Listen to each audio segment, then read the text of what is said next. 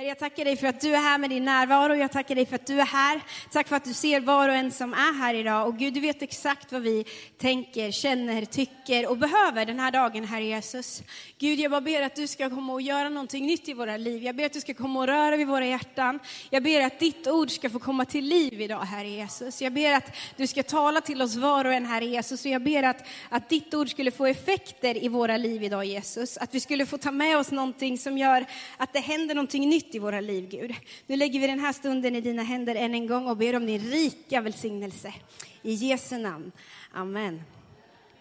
Amen. Alltså den här, jag älskar den här sången. Jag, jag blir andfådd när jag sjunger, så högt sjunger jag. Jag ber om ursäkt Josef, som stod bredvid mig där. Eh, Ellen, den där vill jag ha.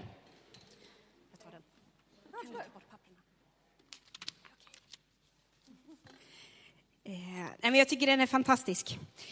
Eh,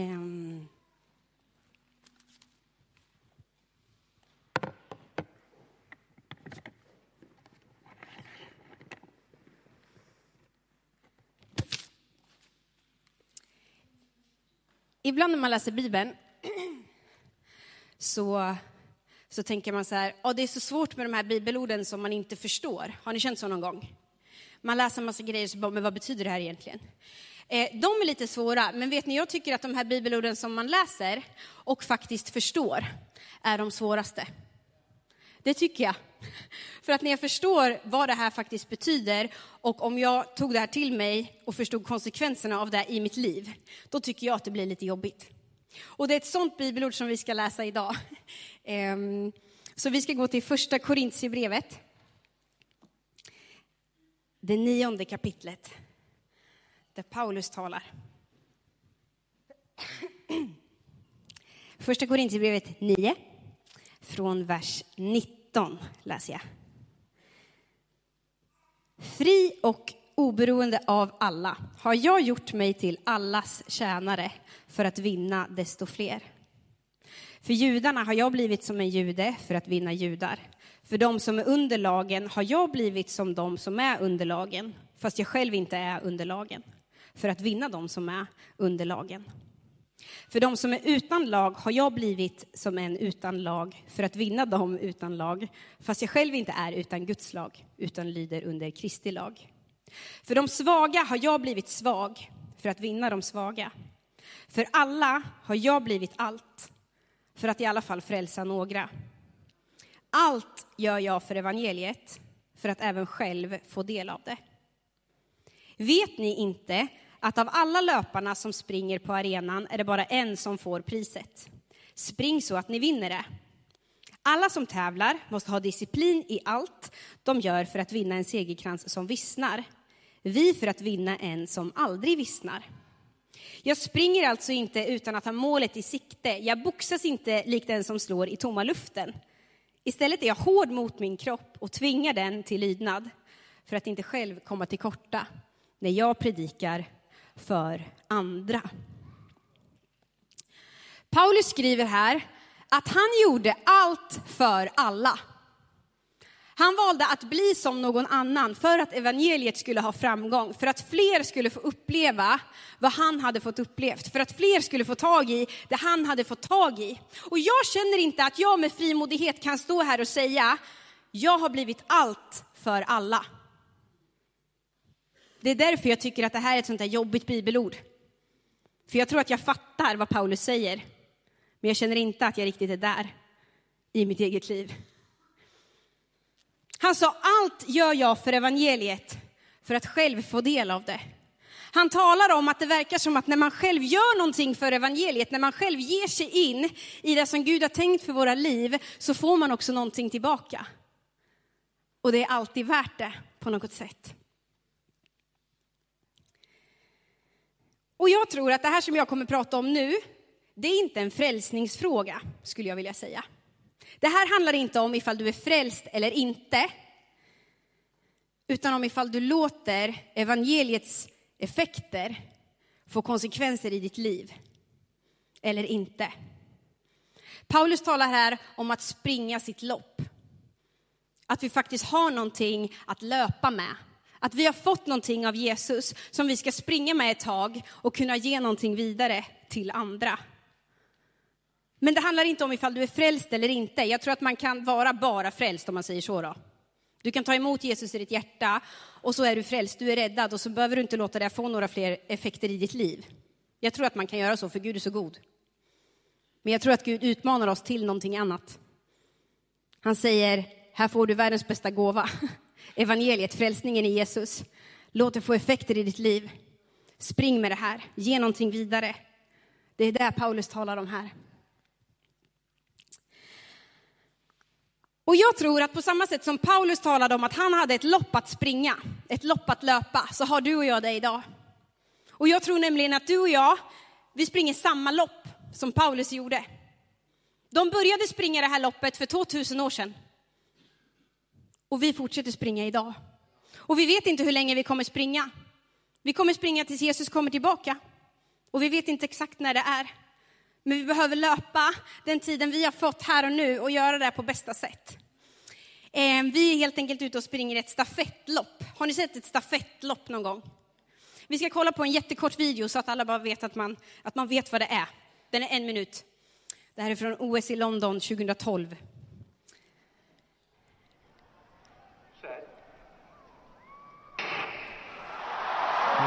Crowd roars and the cameras flash, and uh, a very good run by the American Trell Kimmons. He's gone very strongly indeed. Now then, the Jamaicans have got it served, the Americans, and Gatlin's made a bit of headway down the back straight there, and it's uh, USA from Jamaica at the moment, very, very strong indeed. But here goes, here goes the a Jamaican changeover was terrific, and all of a sudden you've got Tyson Gay versus Johan Blake, and Blake's winning this one, and here comes Usain Bolt.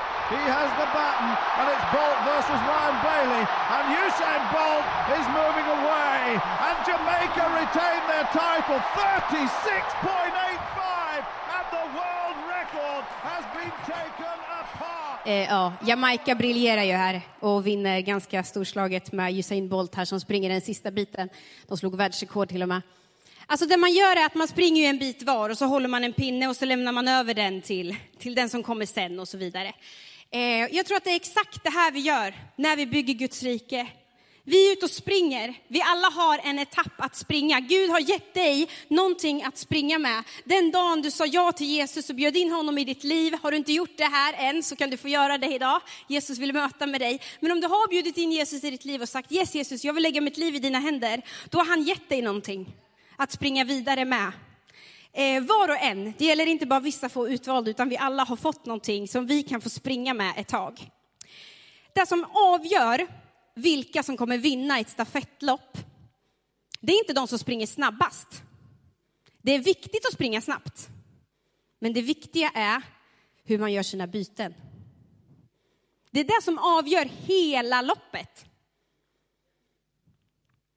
Den som lämnar över pinnen behöver veta att den som ska springa nästa sträcka har fått tag i pinnen. Den kan inte bara komma och springa och sen bara woho, kasta pinnen så här och hoppas att den framför ska ta den. Det behöver ske liksom, man behöver veta när, var och hur det här bytet ska ske. Och man kan inte släppa förrän nästa har tagit tag. Samtidigt behöver den som ska springa nästa etapp vara redo och tagit fart. Och inte bara stå där och bara, jaha, nu är det jag. Utan det är bytet som kommer avgöra loppet. Och det här tror jag är så viktigt när vi tänker på Guds församling. Och när vi tänker på vad vi håller på med här idag och vi behöver bli bättre på bytet. Tror jag. Så, Först skulle jag vilja tala lite till dig som behöver identifiera dig med att vara den som lämnar över. Vad är det du ska lämna över till den som ska springa efter dig? Och hur gör du det? Och hur förbereder du för det bytet? Du har någonting att lämna vidare. Till någon som kanske är yngre än dig, till någon som inte har kommit lika långt i sin tro som du har gjort. Det kan vara att rent praktiskt liksom lära någon att göra något annat. Det kan vara att välja att coacha någon annan. Det kan vara att ge vishet till någon annan, ge kunskap, att vägleda någon annan. Det kan vara så många olika saker. Men jag lovar dig att du har fått någonting som du kan lämna över, som du kan ge vidare. Och jag tror, och jag önskar, och jag ber att de som kommer efter mig ska få vara med om större saker än vad jag har varit med om. Jag tror det. Och jag längtar efter det och jag ber om det. Jag tror att det bästa fortfarande ligger framöver för Guds församling. Och jag tror att jag kommer få vara med om större saker. Men jag tror att de som kommer efter mig kommer få vara med om ännu större saker. Och jag vill vara med och träna de som kommer efter mig på bästa sätt jag kan. För att ge rätt förutsättningar. Och vet ni att det här är bibliskt? Jesus valde tolv grabbar, helt orutinerade, för den uppgiften som han hade tänkt för dem. Så tränade han dem i tre år för att vara med om större saker än vad de fick se när de gick tillsammans med Jesus. De skulle vara med och starta den första kyrkan och sprida evangeliet till hela världen. Han lämnade över någonting som skulle växa och bli större än vad de såg där och då. Och det finns också, vi kan läsa om när David och Salomo i Gamla Testamentet, det tycker jag nästan är den, den finaste bilden i Bibeln på något sätt när det gäller det här att lämna över till nästa generation. David, som var en kung i Gamla Testamentet, han hade en dröm, han hade en vision att få bygga ett Guds hus, att få bygga ett stort tempel till Gud. Men Gud sa till honom så här, David, det är inte du som ska bygga templet, utan det ska din son göra. Salomo kommer få göra det. Alltså den som kommer efter dig ska få göra det. Då hade David kunnat säga så här, ja, nej, men kul Gud, jag får inte bygga templet, jag tänker inte vara med längre. Han hade kunnat sätta sig ner och tjura liksom. Men det gör han inte. Utan istället så kan vi läsa i första krönikeboken, läs gärna det här hemma, första krönikeboken 20 till typ 28, hur David dedikerar hela sitt liv till att förbereda för det Salomo ska få vara med och göra. Det står att han samlar in massa material till det här templet, han gör ritningar, han tränar Salomo och människorna runt omkring honom för det som kommer efter. För att han visste att generationen som kommer efter mig kommer få vara med om större saker än vad jag har fått vara med om. Och han valde att ge sitt liv för det och träna för de som kommer efter. Ser vi nästa generation? Vågar vi tänka så? Hur många här inne, på en handuppräckning då, tog emot Jesus innan man var 25 år? Ganska många. Det finns inga exakta siffror på det här. Jag har letat så här, jag har, eh, i, i, jag har hört av mig till pingst, eh, vad säger man? pingstkontoret i veckan och bara, finns det några siffror på typ så här, när de flesta blir döpta? Eh, och då sa de, nej men det finns inga exakta siffror, men det vi vet är att majoriteten av alla som är i våra församlingar idag blev döpta innan de var 26 år. Och det betyder ju inte att, att liksom så här, ja, man, det är viktigare att ta emot Jesus när man är ung, det är inte det jag säger. Men det är viktigt vad vi gör med de unga idag. Det är jätte, jätteviktigt hur vi tränar nästa generation. Och det är inte en slump att de allra flesta som tar emot Jesus är unga.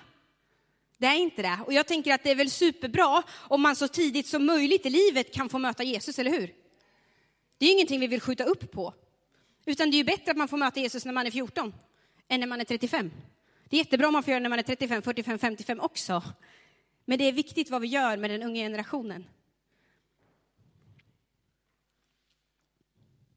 I Ordspråksboken 22.6 så står det så här, vänj den unge vid den väg han ska vandra, så viker han inte av från den när han är gammal. Du och jag kan få vara med att vänja den unge vid den väg han ska vandra. Och det kan betyda någon som är ung, alltså rent eh, fysiskt, vad säger man, åldersmässigt. Men det kan också betyda någon som inte har vandrat med Jesus så länge, som är ung i sin tro. Där kan du och jag få vara med. Jag tror att det finns människor i våra kyrkor idag, i våra församlingar idag, som är på något sätt så mitt i sin etapp i det här stafettloppet. Men massa olika anledningar har gjort att man har slutat springa. Man är fortfarande frälst, det är inte där det handlar om, man har fortfarande en tro. Men det har skett saker som gör att man inte riktigt längre är i det som man vet att Gud har kallat mig till. Man har stannat upp. Det kan vara besvikelse av olika slag, det kan vara trasiga relationer, det kan vara, liksom, det kan vara så mycket saker som har hänt och jag har full förståelse för det. Men kom tillbaka. Kom tillbaka till det som du vet att Gud har kallat dig till. Kom igen, börja springa igen med det som Gud har lagt på ditt liv. För det står någon där framme och väntar på att du ska komma springande med pinnen, redo att ta emot den. Och du är viktig. Det är jätteviktigt vad vi gör med nästa generation, men vi som har kommit lite längre då behöver ju förstå vår viktiga roll i det. Att det du och jag gör idag är avgörande för det som kommer hända sen. Kom tillbaka. Ta tag i det som kanske har gjort att du inte längre springer. Kanske behöver du ringa några samtal, kanske behöver du reda upp i, i, i trasiga relationer, i såna här grejer som bara ligger och gror och har blivit jobbiga grejer. Kom vidare. Ta tag i det där.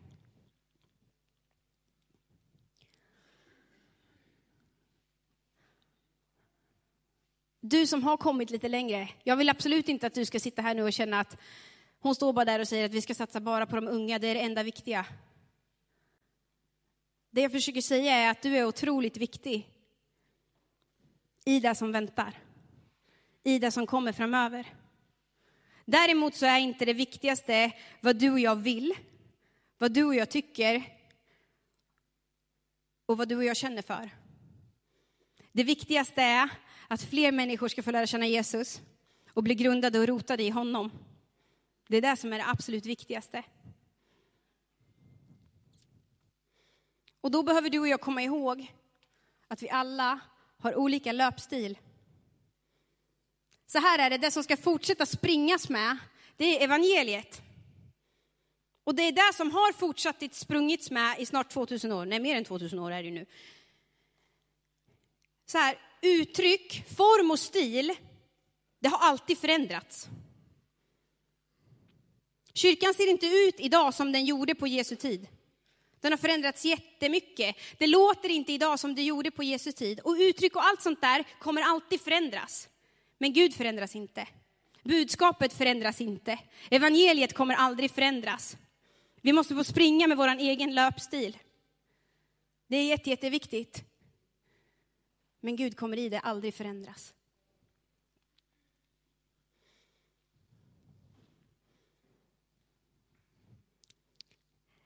som vi såg i den här filmen, så jag tycker det är så häftigt också att man kan se att när, liksom, när den som har sprungit har lämnat över pinnen till den som kommer och den har fått tag och man har släppt, då fortsätter de att springa bakom ett tag och heja på. Det tycker jag är så fint, att de bara stannar inte direkt och bara, fast de är helt slut förmodligen, för de har gett allt under ett par sekunder här liksom, och är supertrötta, så fortsätter de springa ett tag och heja på. Kanske är det så att du har lämnat över någonting och du känner att jag, jag är helt slut nu, jag orkar inte så mycket längre. Heja på. Det betyder jättemycket att du hejar på. Underskatta inte det. Det är så viktigt. Jag är så tacksam till alla ni som ber för den unga generationen idag, för alla ni som är med och uppmuntrar mig och alla oss i det vi gör. Det är ovärderligt. Underskatta aldrig att heja på någon annan. Okej. Okay. Det var till dig som har någonting liksom att lämna över.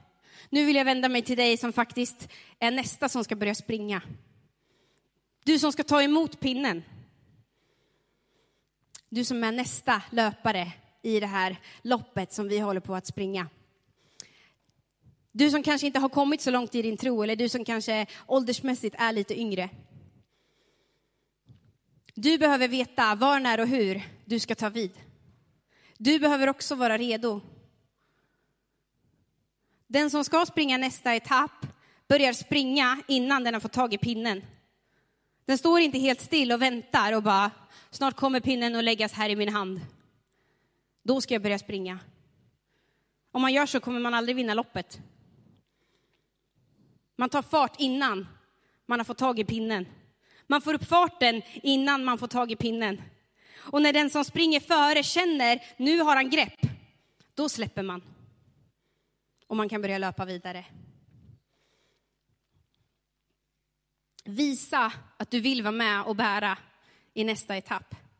Visa att du är redo, visa att du vill ta vid och fortsätta springa med det föregående generationer har sprungit med. Det behöver du visa nu. Och när de som har kommit, när de som är före känner, nu har de taget, nu har de greppet, då kommer man släppa och heja på. Ibland hör jag unga människor säga så här, ja de behandlar oss som barn, de tror inte vi kan någonting, de tycker bara vi är unga liksom. Ja men ibland är det för att ni beter er som barn. Alltså det låter hårt, men ibland är det så. Visa att ni vill vara med. Visa att ni vill vara med och bära, ta ett ansvar, börja spring redan nu, sitt inte och vänta på att någon ska kasta pinnen i ditt knä. Utan visa, jag kommer vara med. Jag kommer bära nästa generation. Jag vill det här. För det är då vi kommer vinna loppet. Och kom ihåg att de som har sprungit före oss, de vet någonting som vi inte vet. Det är faktiskt så. De kan någonting som vi inte kan. De har så mycket kunskap, de har så mycket vishet, de har så mycket erfarenhet. Och det kan vi få lära oss någonting av. Och det är superviktigt. Låt oss göra det. Låt oss visa att vi vill det.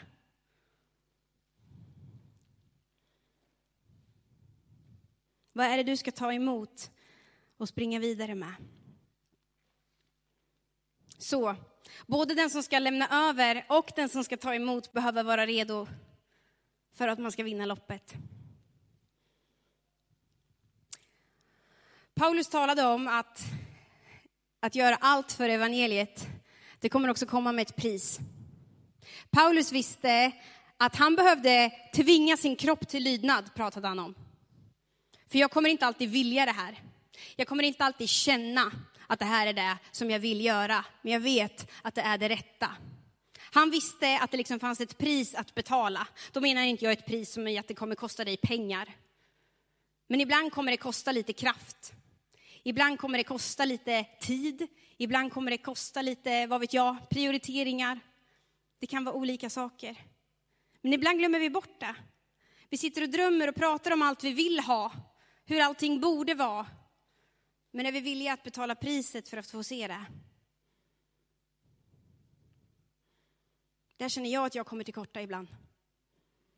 Och jag ber att Gud ska hjälpa mig att inte bara prata om det, utan att faktiskt vara med och göra det också.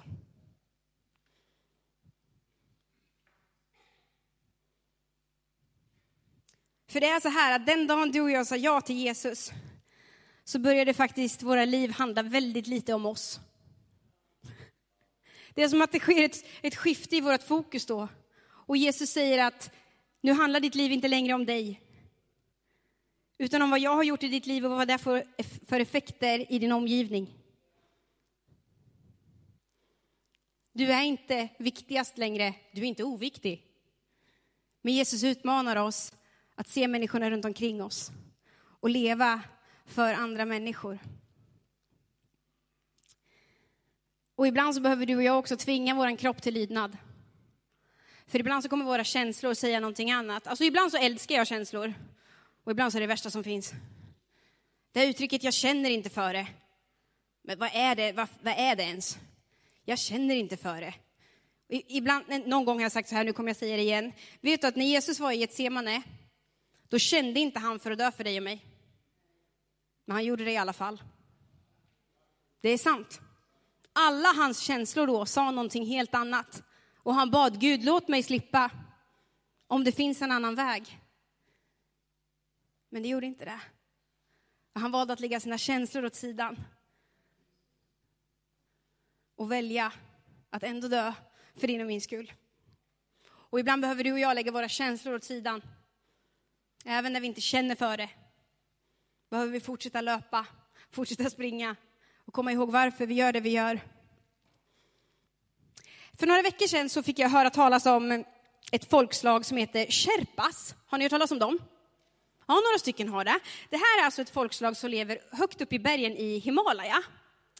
Ehm, och de, de, har levt där uppe så på, på, så hög höjd så de har lärt sig att andas i den här höga luften. För oss, jag har aldrig varit där, men för oss är det tydligen ganska svårt. Vi skulle få andnöd och sådär. Men de får inte det, så att jättemånga av dem jobbar med att hjälpa turister att nå, eh, så här, vad heter berget? Eh, eh Mount Everest. att nå toppen av Mount Everest genom att typ bära deras packning och typ ibland till och med dra upp dem för att här, turisterna orkar inte. Då typ puttar de på och drar upp dem och så här. Och så tänkte jag så här, bara, men det är ju det här att vara en kristen handlar om. Vi är sherpas, Alltså det betyder att vi ska hjälpa andra människor att nå toppen. Det är ju där det handlar om. Och speciellt om man har kommit lite längre i sin tro, vandrat lite längre med Jesus, man har liksom vant sig med klimatet, man har lärt sig andas på den, jag vet inte vad det heter, höjden, på den höjden. Så att vi blir inte lika anfodda, vilket gör att vi kan putta på någon annan. Eller dra upp någon annan, eller bära någon annans packning för att hjälpa någon annan att bli allt det som den är tänkt att bli. Det är där det handlar om att vara kristen, att hjälpa någon annan att nå toppen.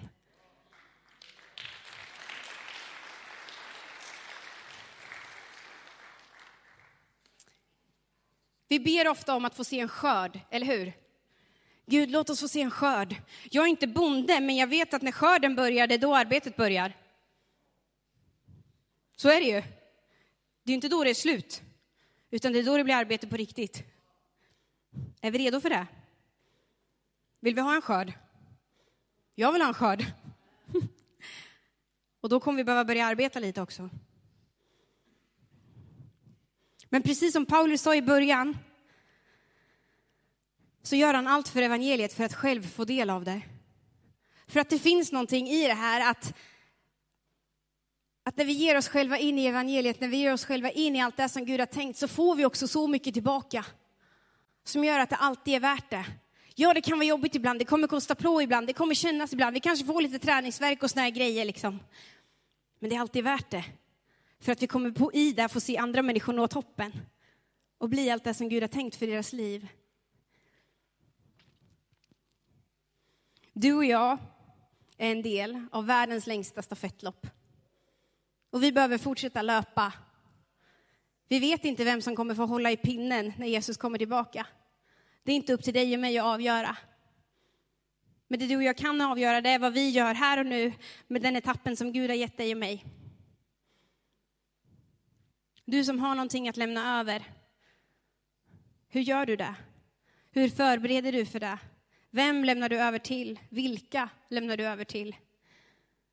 Och du som ska ta emot någonting, är du redo för att ta emot någonting?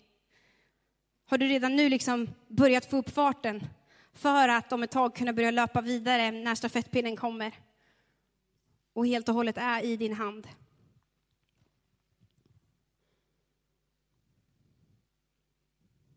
Och du som finns här som just nu kanske på något sätt är i mitten av din etapp. Men olika saker har gjort att du har slutat springa. Börja springa. Ta upp pinnen igen. Löp vidare. Du behövs. Du är så viktig. För det som kommer där framme. Och jag tror inte att det finns en bättre plats att vara än att få löpa i det som Gud har tänkt för våra liv. Ja, det kommer vara jobbigt ibland, det kommer kosta på ibland, det kommer kännas ibland, men det finns heller ingen större tillfredsställelse än att få leva i den kallelsen som Gud har för våra liv och få vara till välsignelse för andra.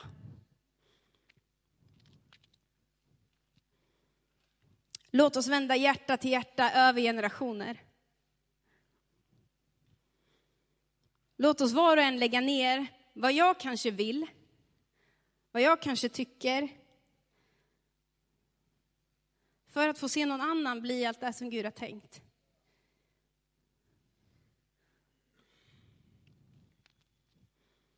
För att det stora fortfarande väntar där framme.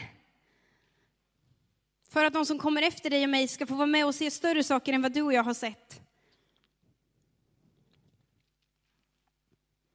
Ibland så tror jag att du och jag behöver vända om ifrån stolthet, ifrån egoism, ifrån min egen vilja. Det här är vad jag tycker, det är så här jag tycker att det ska vara. Det handlar inte bara om dig och mig längre. Utan Jesus utmanar oss att lägga ner vår egen vilja för att få se andra människor växa.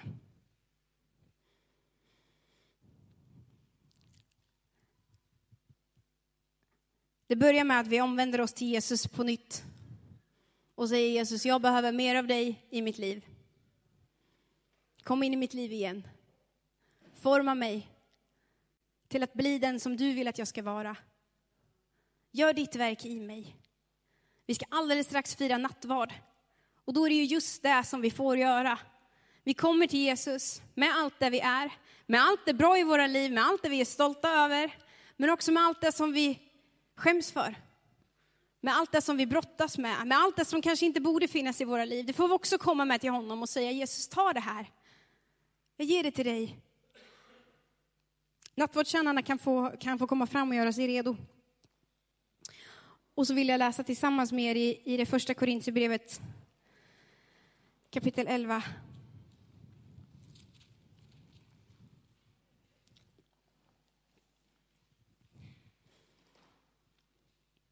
Från vers 23 skriver Paulus så här. Jag har själv tagit emot från Herren vad jag har fört vidare till er. Den natt Herre Jesus blev förrådd tog han ett bröd, tackade Gud, bröt det och sa, detta är min kropp som är utgiven för er. Gör det här för att minnas mig. På samma sätt tog han bägaren efter måltiden och sa, denna bägare är det nya förbundet i mitt blod. Så ofta ni dricker av den, gör det för att minnas mig. Så ofta ni äter detta bröd och dricker denna bägare förkunnar ni Herrens död tills dess han kommer. Jesus offrade sin kropp, hela sitt liv, för att du och jag skulle kunna få komma till honom precis som vi är. Och i nattvarden får vi återigen säga, Jesus jag tror på det här. Jag tror att du dog för min skull, jag tror att jag är fri i Jesu namn. Jag tror att du förlåter mig från alla mina synder. Nattvarden är en omvändelsestund där vi på nytt får säga, jag ger hela mitt liv till dig Jesus. Jag behöver dig idag, jag vill ha del av dig idag.